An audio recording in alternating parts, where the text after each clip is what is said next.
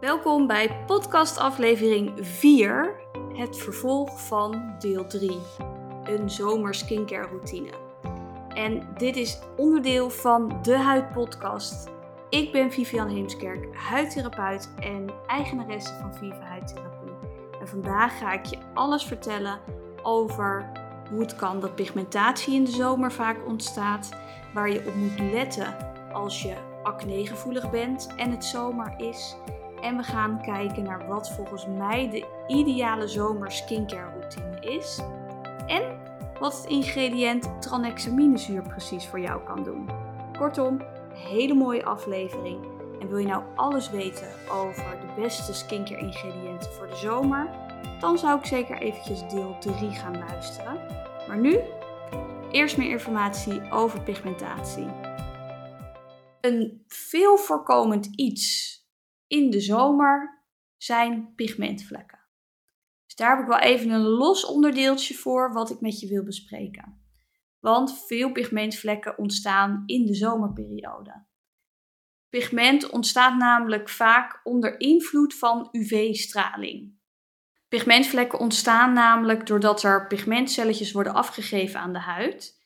En als die pigmentafgifte verstoord wordt doordat er triggers van UV-straling ontstaan, dan kunnen die pigmentcelletjes wel een soort van op gaan hopen, die pigmentpakketjes. En daardoor zie je een pigmentvlek. En dat kan echt door heel veel dingen komen, door medicijnen, door hormonen, door zonstraling, verbranding, noem maar op. Maar wat er eigenlijk gebeurt, is dat een proces genaamd tyrosinase, die raakt verstoord. Die tyrosinase is eigenlijk dat dus die pigment pakketjes worden afgegeven en dat er een verstoring in komt. Dus ons doel in de zomer is om die tyrosinase te remmen. En dat mag je zien als een soort snelweg. Daar gaan al die pigmentpakketjes overheen. En we zetten gewoon een, een wegversperring neer. Dus die pigmentpakketjes komen er niet meer door. En daardoor zal je ook zien dat die pigmentvlekken minder snel ontstaan. En dat proces, die tyrosinase, dat rem je door bepaalde ingrediënten in je skincare toe te passen. Ingrediënten waar je aan kan denken zijn vitamine C, vitamine B in uh, milde mate, glycolzuur bijvoorbeeld, kojic-zuur, tranexaminezuur. En elk ingrediënt heeft zijn eigen werking. En vaak zien we producten waar ze dus ook meerdere van dat soort ingrediënten combineren. Wij hebben op de website ook een hele pagina staan over pigmentvlekken remmen. En daar kan je ook zien welke producten daarbij horen. Maar ik vind dat stukje met dat tranexaminezuur, dat vind ik wel even een hele fijne om te benoemen. Want dat is wel, vind ik, een van de mooiste ingrediënten om pigment te remmen. En het wordt nog niet zo heel veel ingezet. Daarom wilde ik het wel eventjes in deze podcast belichten. Want het is echt een fantastisch ingrediënt. Het kan dus bij elk huidtype ingezet worden. Of je gevoelig bent, of je niet tegen zuurtjes kan. Het mag in de zomer, het mag in de winter. Het mag bij melasma, het mag bij van die vlekjes na een ontsteking. Het kan echt eigenlijk altijd worden ingezet voor het egaliseren van die huidskleur. Het fijne aan tranexaminezuur is ook dat het dus met alle andere producten of ingrediënten gecombineerd kan worden. Dus heb je last van pigmentatie, dan zou ik zeker gaan kijken of je een product met tranexaminezuur in je skincare routine kan gaan inzetten. En het zou heel mooi zijn als die gecombineerd kan worden met bijvoorbeeld vitamine B en vitamine C.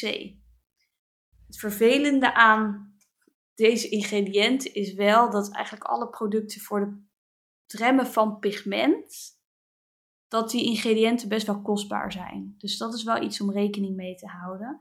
Dat de, het prijskaartje vaak net wat hoger ligt dan producten die je normaal gesproken gebruikt. Zelf, uh, ik ben gevoelig voor pigmentatie. Als ik bijvoorbeeld een ontsteking heb gehad, dan blijft er ook altijd zo'n rood-bruin vlekje achter.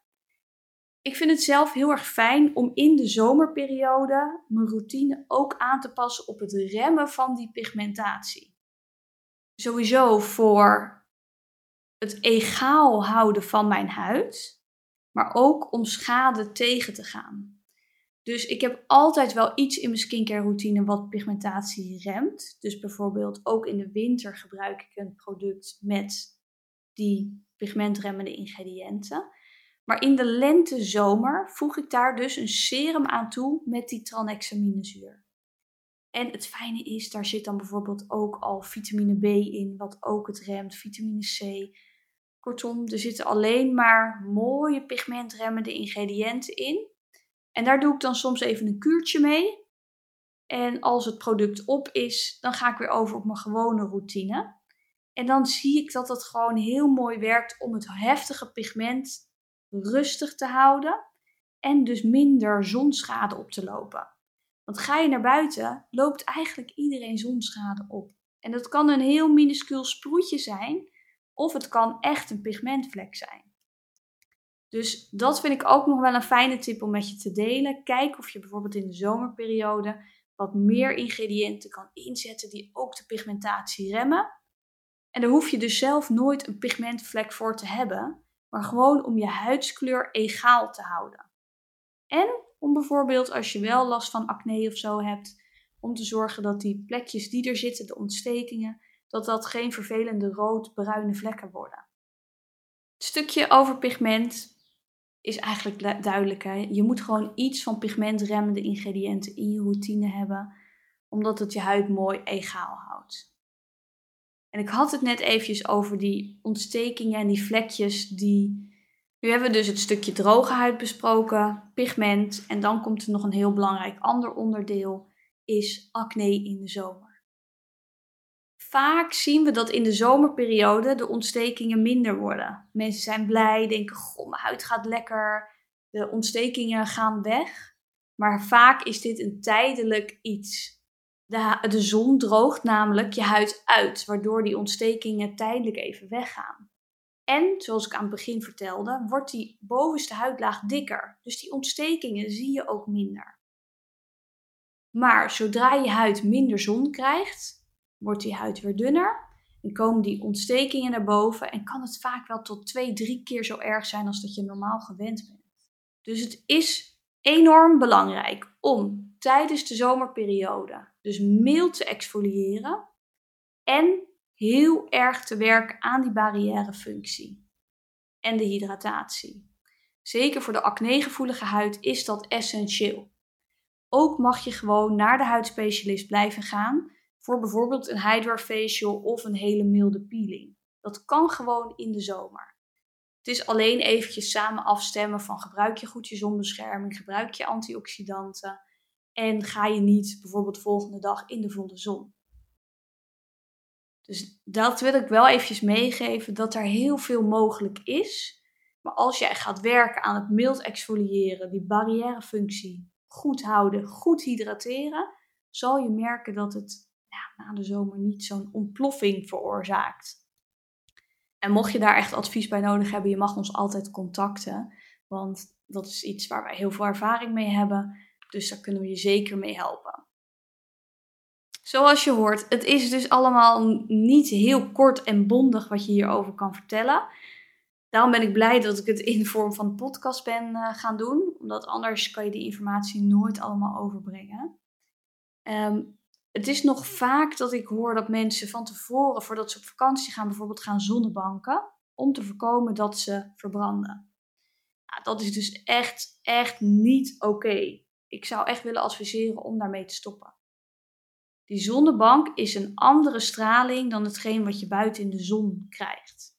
Dus de kans op verbranding is alsnog onwijs groot.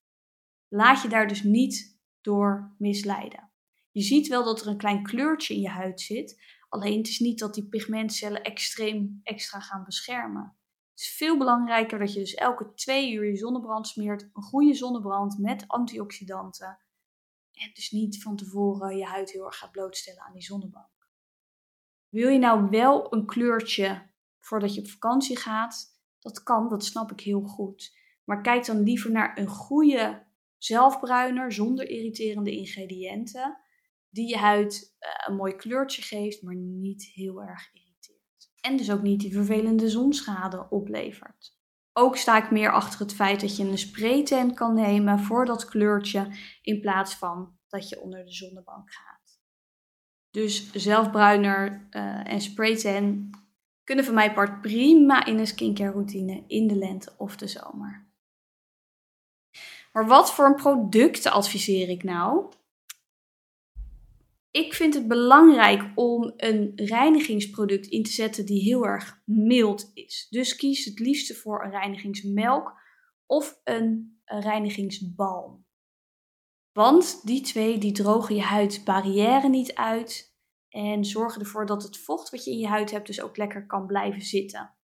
Een serum met vitamine B of bijvoorbeeld iets met tranexaminezuur is fantastisch in je zomerroutine. En daarnaast dus een hele goede dagcreme met minimaal factor 30 en antioxidanten.